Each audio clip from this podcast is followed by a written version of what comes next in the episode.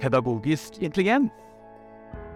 En podkast om kunstig intelligens i skole og undervisning. Hei på deg, og hjertelig velkommen til episode syv av podkasten som vi har kalt Pedagogisk intelligens. Dagens episode har vi kalt Klar, ferdig, bing! Og den som skal binge sammen med oss i dag, er en god kamerat av meg som heter Kristoffer Thomsen. Velkommen! Takk skal du ha. takk skal du ha. Hyggelig å være med. Hvor jobber du, Kristoffer? Jeg jobber i Microsoft Norge med utdanning og forskning på infrastruktursiden, faktisk. Ja. Men vi har valgt deg som eh, demoeksempler, for du har tilgang til noe vi andre ennå ikke har tilgang til. Du har nemlig tilgang til Bing med det for vi som øvrighet i hvert fall kaller chat GPT. Det stemmer, det stemmer. Det er jo slik at man får tilgang til dette litt tidligere i min posisjon. Men eh, foreløpig nå så har jeg bare tilgang, hvis du skjønner. Så jeg kommer til å på en måte være meg sjæl eh, og prate rundt mine tanker rundt, eh, rundt, det å binge ting fra nå. Det er jo sånn at eh, en del eh, nordmenn og folk i verden de har satt seg på venteliste på å få tilgang på det samme som deg. Og mens vi venter på at julenissen skal komme på julaften, så eh, lar vi på en måte deg fortelle litt om, om hvordan dette da ser ut i virkeligheten. Jeg har gått inn på bing.com og slash new, og der har jeg satt meg opp på en venteliste slik at jeg skal få tilgang etter hvert. Eh, og slik jeg har forstått Kristoffer, så er det snakk om eh, sen mars. Så kan de fleste nordmenn som ikke jobber hos Microsoft, kanskje få tilgang.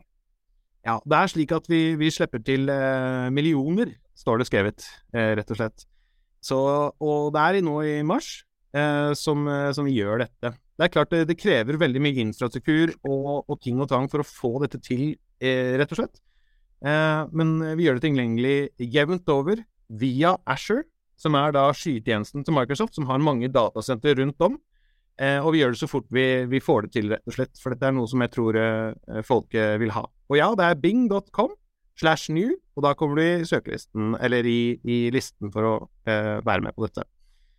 Og dette er jo, jeg må innrømme, en søkemotor som jeg har registrert har vært der i veldig mange år. Jeg har på en måte vent meg til å bruke Google, og så har jeg gått inn på Bing og på en måte sett at for, for min del i hvert fall, så har jeg følt at den eh, kanskje ikke har bringet noe nytt til torgs, og så har jeg fortsatt med det gamle, tradisjonelle.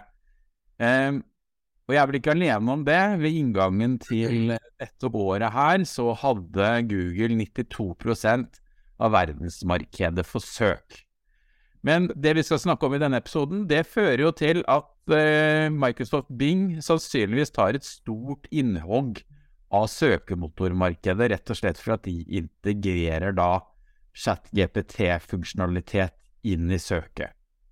Det er det man prøver på, men eh, hvis man ser veldig sånn eh, konkret på dette, så er det jo bare det neste stedet, steget av søk, på en måte. Du har jo fortsatt søket like ved. Så hvis man er inne på, på den nye type tjenesten, så har man søk liksom øverst til venstre i dette her. Og så vil man da ha chat som et alternativ rett ved siden av. Og hvis man da er logget på med en organisasjonskonto, så har man da internsøket rett ved. Så du får alt på ett sted, på en måte er tanken rundt det å søke og hente informasjon. Og når man da taster inn eh, et søkesetning eller søkeord eller et eller annet sånt noe, så vil man få denne lille digitale assistenten, kopiloten, eh, som er dårlig oversatt eh, på eh, norsk, rett ved siden av, som da begynner å, å, å svare deg litt mer med et menneskelig grensesnitt, altså tekstbasert, eh, tilbake til deg sjøl. Og så må man da trykke videre inn på det, se mer, eller liksom trykke på bing-ikonet, som nå har blitt veldig fint, så kommer du inn i chat-modusen. Og når du er chat da, da, får du altså en da får du to verdener på samme skjerm, da. Da får du til venstre så får du det vanlige søket, og til høyre så kan du uh, få en, en, liten smakebit av uh, chatboten. Men hvis du trykker på den, så får du hele chatboten utover skjermen. Korrekt. Så du får alt på ett sted med en gang, slik at du får de vanlige søkene dine til venstre. Og så får du da Bing som begynner å prate til deg på høyresiden. Og hvis du har lyst til å prate videre, så må du agere på det, trykke på noe for å komme deg inn i den modusen. Når du kommer inn i den modusen, så er det liksom Du kan gå tilbake igjen til søket også, slik at du fortsetter sånn som du har vært vant til. Akkurat som du sa, du hopper litt tilbake til de gamle rutinene, helt til du på en måte blir vant til at nei, kanskje det var like bra eller bedre, liksom. Så går man videre eh, med den type ting. Men hva er det som ligger bak her? Jeg har hørt rykter om at det er bedre eh, det man vil få tilgang til her, i forhold til eh, vanlig ChatGPT3. Ja, Dette handler jo litt om eh, hvilken data som feedes inn til, eh, til motoren eh, i, i backenden. Og det er jo slik at eh, ChatGPT, som er fra OpenAI, er jo da basert på en hel haug med data til 2021 ca. osv. Mens det som kommer i Bing, eh, tar det ett steg videre. For det er jo slik at Microsoft har jo hatt eh, en søkealgoritme i lang, lang tid. Og det å integrere den med den motoren gjør at man f.eks. får eh, kildehenvisninger. Eh, man får eh, ny informasjon, så man kan spørre om artikler fra i går, på en måte, fra aviser osv. Man kan også bestemme litt eh, om den skal være veldig kreativ, om den skal være på en måte litt mer balansert i svarene sine, eller om den skal være veldig korrekt. Um, og det er ganske viktig, for da kan du på en måte styre litt av oppførselen til denne eh, assistenten din, da. Spennende. Så det er noe du får opp på skjermen når du søker? Ja. Altså, hvis man søker på hva det skal være, så eh, går man inn i chat-modusen, og her får man alternativer for hvordan den ønsker å svare. Da kommer det liksom fargedefinert blå er liksom det vanlige, Lilla er hei, nå skal vi være litt mer kreative. Og grønn er da hei, nå er vi litt mer sånn hekte på det. Så hvem, hvem modus skal vi da velge, Kristoffer? For mange har jo kritisert ChatGPT og, og man ikke vet svaret, og bare finne på. Ja. Eh, Hvis du vil at den skal finne på, da vil du ha den litt grønnaktig. Ja. Litt mer aktuell, og det er på en måte å holde deg til virkeligheten-fargen, det da, kanskje? Ja, det holder deg til virkeligheten. Det er grønt, liksom. Mens eh, kreativt, da er du lilla. Så hvis du vil ha litt sånn dikt og sånne ting, da bruker du kanskje den. Mens hvis du vil ha litt sånn Jeg er ikke helt sikker på hva jeg vil ha, og jeg kjører bare standard, som jeg tror mesteparten kommer til å gjøre, altså balansert, eh, det er det du på en måte er vant til. Allikevel så er balansert i Bing eh, mye mer riktig, på en måte, enn det ChatGPT er, for der har du ikke eh, siteringer, du har ikke kilder, du har ikke alle disse tingene som kommer via denne motoren som fins i Bing fra før, da. Så det er, det er veldig, veldig gøy, rett og slett. Får... Denne podkasten vår den går jo både på alle de store podkastplattformene, men den går også på YouTube. Og vi kan jo avsløre at for dere som hører episoden, så kan det også være lurt kanskje å se denne episoden her på YouTube-kanalen vår. Eh, da får du nemlig også bilder med. Men vi skal prøve å beskrive alt vi ser på skjermen i denne her. Du, jeg har hørt Kristoffer, at, at, det til og med er en nyere versjon, at det er noe som blir kalt ChatGPT 3.5. Ja, og det er det de kaller denne integrasjonen. Det er også slik at eh, 3.5 har også eh, nyere informasjon. Det vil si at den er feedet med eh, verdens, eller internetts, baser. Eh, på nyere Ja, hva skal man si? Fra nyere databaser som eh, hentes på for så vidt ganske samme måte som crawlere gjør i søkemotorer.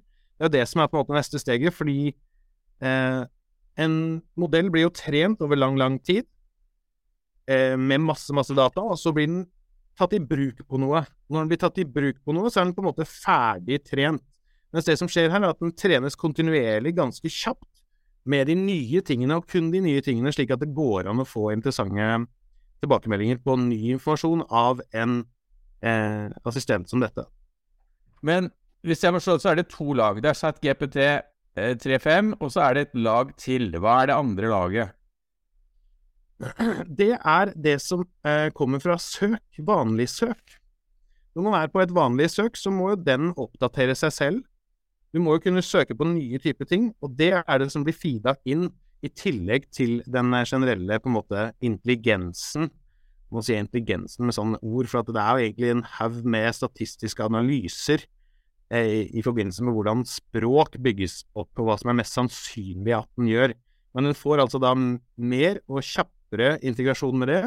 I tillegg så får den eh, disse henvisningene, så du kan se kildehenvisningene til hva, hva det er den henter kilden fra. Og det gjør du også i søk, ikke sant. Så står det liksom nettsiden under, så står det HTTP bla, bla, bla et eller annet sted. Wikipedia, et eller annet. Og det får du da fortløpende i svarene til, eh, til Bing her, da. Bing Chat, som jeg kaller det. For det vil bli en veldig naturlig ting. Kildekritikk er jo noe vi må lære bort veldig til elevene enda viktigere i framtiden. Men du sier at vi får muligheten til å ettergå kildene i løpende tekst med henvisninger? Det er korrekt. I stor grad får du det. Og når du trykker på dem da, så kommer du til den kilden hvor den har hentet det fra. Og da kan du på en måte vurdere om det er, om det er riktig, det som kommer. Og det tenker jeg er spennende. Det er veldig, veldig viktig, for det er det noe som, eh, som dette skaper, så er det at du, du, må ha et bevisst forhold til den informasjonen du får tilbake. Og for å vertifisere om det stemmer eller ikke, så er det en god ting å være kildekritisk, gå grundig inn i dette her, og, og alle skal jo lære dette uansett, på en måte. Det er litt sånn OK, skal du bruke kalkulator nå? Sier kalkulatoren det riktig eller ikke? Eh, og sånne type ting. Og da er det Ja. Du, du, må rett og slett ta hensyn til hvor informasjonen kommer fra. Vi har eh, seks spørsmål å spørre. Um, og det får du tydelig vist nederst til høyre i den ruten som ChatGPT, eller Bing-chatten her, viser deg. Det vil si at du får seks spørsmål du kan svare på eh, og eh, ha en samtale med. Det er for at samtalen ikke skal gå altfor langt. Eh, så hvis ikke du får gode svar på seks spørsmål, ja, da har man ikke stilt kanskje gode nok spørsmål riktig, da. Og det handler også litt om, om den begrensningen det er når du prater med et menneske også. Hvis man på en måte ikke klarer den derre eh, ti-spørsmål-leken, eller seks-spørsmål-leken som det nå blir, da, eh, så er det kanskje det at den ikke kan det. Den kan rett og slett ikke svare deg godt nok. Eh, og da må du begynne på nytt, på en måte. Som, som akademiker så syns jeg jo det er en, håpløs grense som jeg tenker at jeg håper man flytter på over tid. for jeg tenker at du når ikke fram til Shangri-La med det perfekte spørsmålet. Det som er spennende, som jeg har sett i en del nyhetsartikler, er jo at man fører kommunikasjon over timer eh, med den kunstige intelligensen. Hvorfor tror du foreløpig Microsoft har valgt å bare gi deg seks spørringer? Ja, fordi eh, man rett og slett eh, kommer Ja, den blir litt for kreativ etter hvert, da, kan du si. Så nå ser du at nå er, eller, nå er det fire av seks, og da får du en annen type farge. For det vil si at nå begynner AI-en å legge til grunn ganske mange forutsetninger som man ikke nødvendigvis eh, vil ha med videre. Det er klart jeg skjønner at eh, man må drive en samtale ganske langt før det blir ordentlig, ordentlig eh, interessant. Men per nå så er dette en begrensning, og ja, som du så håper vi at denne skal bli bedre og riktigere. Riktig nok for markedet til at vi kan utvide eh, antall spørsmål i én designert samtale. Det er en veldig viktig ting til som vi ikke har snakket om, eh, som jeg har lyst til å bare poengtere, og det er at når du skriver en prompt, altså eh, et spørsmål, så kan du se hvilke eh, tolkninger den gjør. For det første så oversetter den det ofte til engelsk først, fordi basen er størst på engelsk. Og så finner den intentet til det du prøver å si, tror den, og så viser den det til deg. Det gjør den ikke sånn som du er vant til fra før, fra den første testversjonen. Ja, altså viser litt hvordan, viser litt hvordan man tenker, og hvordan man går fram. Den viser litt hvordan den tenker. Det er riktig.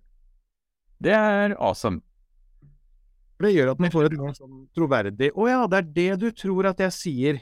Det er litt som å ha god kommunikasjon med en annen person også. At liksom Å ja, mener du sånn og sånn og sånn? Og så kan du si ja, på en måte. Eller, eller så forutsetter han det, hvis ikke du avbryter den. Du kan alltid avbryte her. Eh, så det er også et, en stor greie som vi eh, vil poengtere. Så er det en annen ting, Kristoffer. Nå går vi inn på de tinga som jeg har eh, sett på Jeg har fått sett på dette før podkasten sammen med deg, og jeg syns det er veldig mye imponerende. Men dette her med de seks spørsmåla syns jeg var synd. Jeg tenker liksom hvis jeg f.eks. skal eh, researche til en artikkel jeg skal skrive, da vil jeg ha ganske mange eh, dialogrekker med AI-en i forhold til om jeg får det jeg faktisk er ute etter. Eh, det andre, Kristoffer, som jeg syns eh, Som vi må ha litt avklaring på. Eh, på. På denne siden av sommeren så er det vel sånn at jeg, når jeg skulle sette meg i kø, så tror jeg jeg måtte bruke min private Microsoft 365-konto eh, for å sette meg på kø. Eh, var det ikke sånn? For jeg kan ikke bruke corporate, eller altså Høgskolen i Østfold-brukeren min, den kan jeg ikke sette meg i kø med. Nei, per, per i dag så er dette en, en konsumertjeneste, altså for, for, massene. Og det er jo slik at dette er, eh, dette er som et søk. Det er en bing.com-side. Alle kan gå til den. Eh, og man må velge å bruke det eller ikke, eh, som, som, person og individ eh, per nå. For dette er et konsumerprodukt, det vi snakker om her og nå. Men fram til det virkelig er et ekte konsumerprodukt, for akkurat fram til det blir sluppet for alle på bing.com, så må jeg jo registrere meg. Og i forhold til veldig strenge rettigheter i forhold til GDPR for norske elever og studenter, så blir det i praksis sånn at vi kan ikke tvinge studentene inn uten å ha en databehandleravtale. Vi har jo på en måte en databehandleravtale med Microsoft, veldig mange skoler i hvert fall i Norge.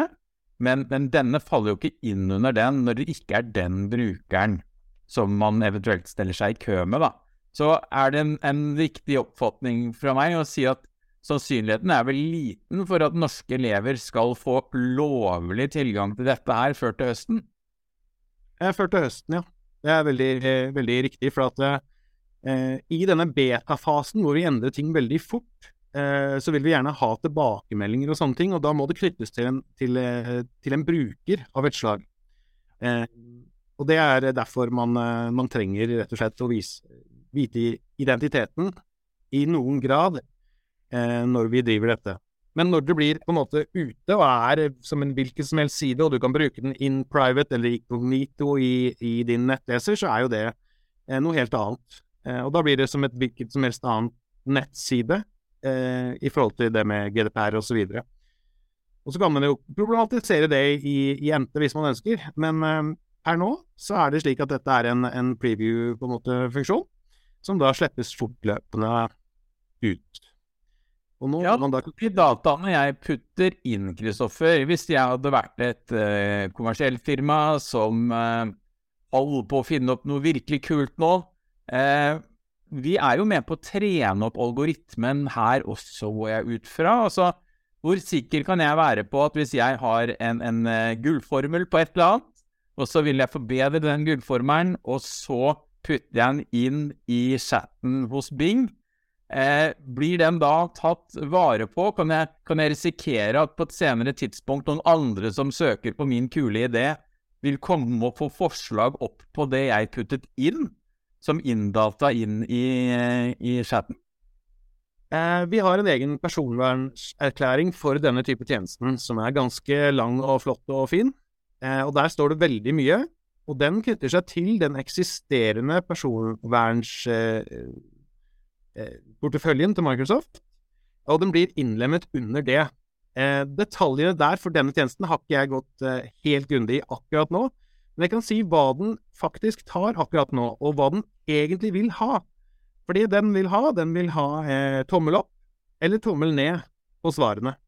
Det er det det på en måte Hvis vi har fått et godt svar, så ønsker vi at algoritmen skal få en klapp på skuldra. Og hvis du ikke er fornøyd, så kan vi gi den en sånn verbal eh, eller spark i bakken. Ja, da trykker du på tommel ned. Og det er det eh, som blir vektlagt i stor grad nødvendig hvilke eh, prompter du kjører på med og sånt noe. Den, den oversetter den jo sjøl og gjør mye med fra før. Eh, men det er disse liker, liker ikke, som er veldig, veldig viktig. Og det er den måten som, som en eh, algoritme trenger å bli trena opp. Eh, og nå er vi, vi, vi tar over rollen som trenerne. Eh, til, til denne tjenesten, slik at den skal bli bedre i fremtiden. Det er korrekt. Det er korrekt. Det er det den virkelig vil ha. Du betaler med din tilbakemelding. Ja, det var det jeg skulle fram til. For at, uh, vi, vi, gjør jo faktisk en jobb for uh, OpenAI og Microsoft da, med å hjelpe de å trene opp den. Eh, greit nok det, men det er greit å være bevisst på at det per dags dato det er måten du betaler for tjenesten, med å hjelpe med til å trene den opp. Ja. Er det noen andre kule ting Kristoffer, som vi bør vite? Ja, eh, det er en siste ting, da, og det er det at når du har fått et svar eh, fra eh, chat eh, Bing Chat, som jeg prøver å bruke, det er veldig vanskelig å lære seg nye ting her så er det slik at den også kommer med forslag til hva du bør spørre om. Og det er veldig praktisk, for det er ikke alltid du vet det. Så du får på en måte tre forslag til liksom, for å drive samtalen videre med ting den allerede har en ganske god eh, base på, hva den kan, kan, svare deg med. Han begynner nesten å snakke med seg selv, den, for han foreslår hva det neste spørsmålet du Ja, men den, den, snakker med deg selv ved at du har tre forslag, og de forslagene du velger, er også en god indikasjon på hvor du vil, og hva du egentlig ville. Men du får altså da forslag til ok, skal du gjøre det, det eller det? Og så drives samtalen videre på bakgrunn av, eh, av, de forslagene. Og det gjør at du ofte eh, får forslag som er eh, interessant. Jeg, nå hopper jeg ut til litt andre ting, men det der har jeg sett i Outlook i det siste også. Altså Når jeg får en Outlook, så får jeg noen forslag på noen autogenererte svar. Er det rett og slett ChatGPT som har begynt å ta seg en tur inn i Outlook allerede? Nå er du inne på noe som er ekstremt spennende, fordi når man får tilgang til sånne store eh, Hva skal man si, ikke fremskritt, men, eh, men, teknologier, så innlemmes jo det i eksisterende tjenester og verktøy. Og det eksempelet der, hvor du får en sånn e-post som sier bla, bla, bla, vi setter møte der, er det greit? Så får du opp forslag ja, det er kjempefint, eller ja, det er fint, men kan vi bytte, eller og så kan du bare trykke på det. Og det er generert på en måte den samme type motor som ligger bak der, og vi vil se veldig mye mer av det fremover. Og det er drømmen, når jeg kan trykke på en knapp og få autosvar på e-postene mine, og det eneste jeg må gjøre er å kvalitetssikre at det svaret er eh, Det er det jeg ønsker meg til jul i år. ja, men uh, du må passe deg sånn at du ikke blir veldig upersonlig. For noe av grunnen til at folk liker deg, Magnus, er jo fordi du har din identitet og din vinkling på ting. Og hvis du bruker det her, så blir det veldig generelt og A4 og kanskje litt upersonlig. Og da kommer jo empati inn, og så kommer de eh, de, de myke ferdighetene på plass. Ikke sant? vi må huske at vi er mennesker her. Det er veldig, veldig viktig, fordi alt dette som vi har sett og gjør her nå, baserer seg på generalitet i en viss form, og statistikk. Og vi må ikke bli helt A4. Det syns jeg ikke. Så svar sjæl, det kommer folk til å like best i lengden, tror jeg. Det får bli det siste ordet fra oss i denne podkasten. Takk skal du ha for at du ble med, Kristoffer. Bare hyggelig.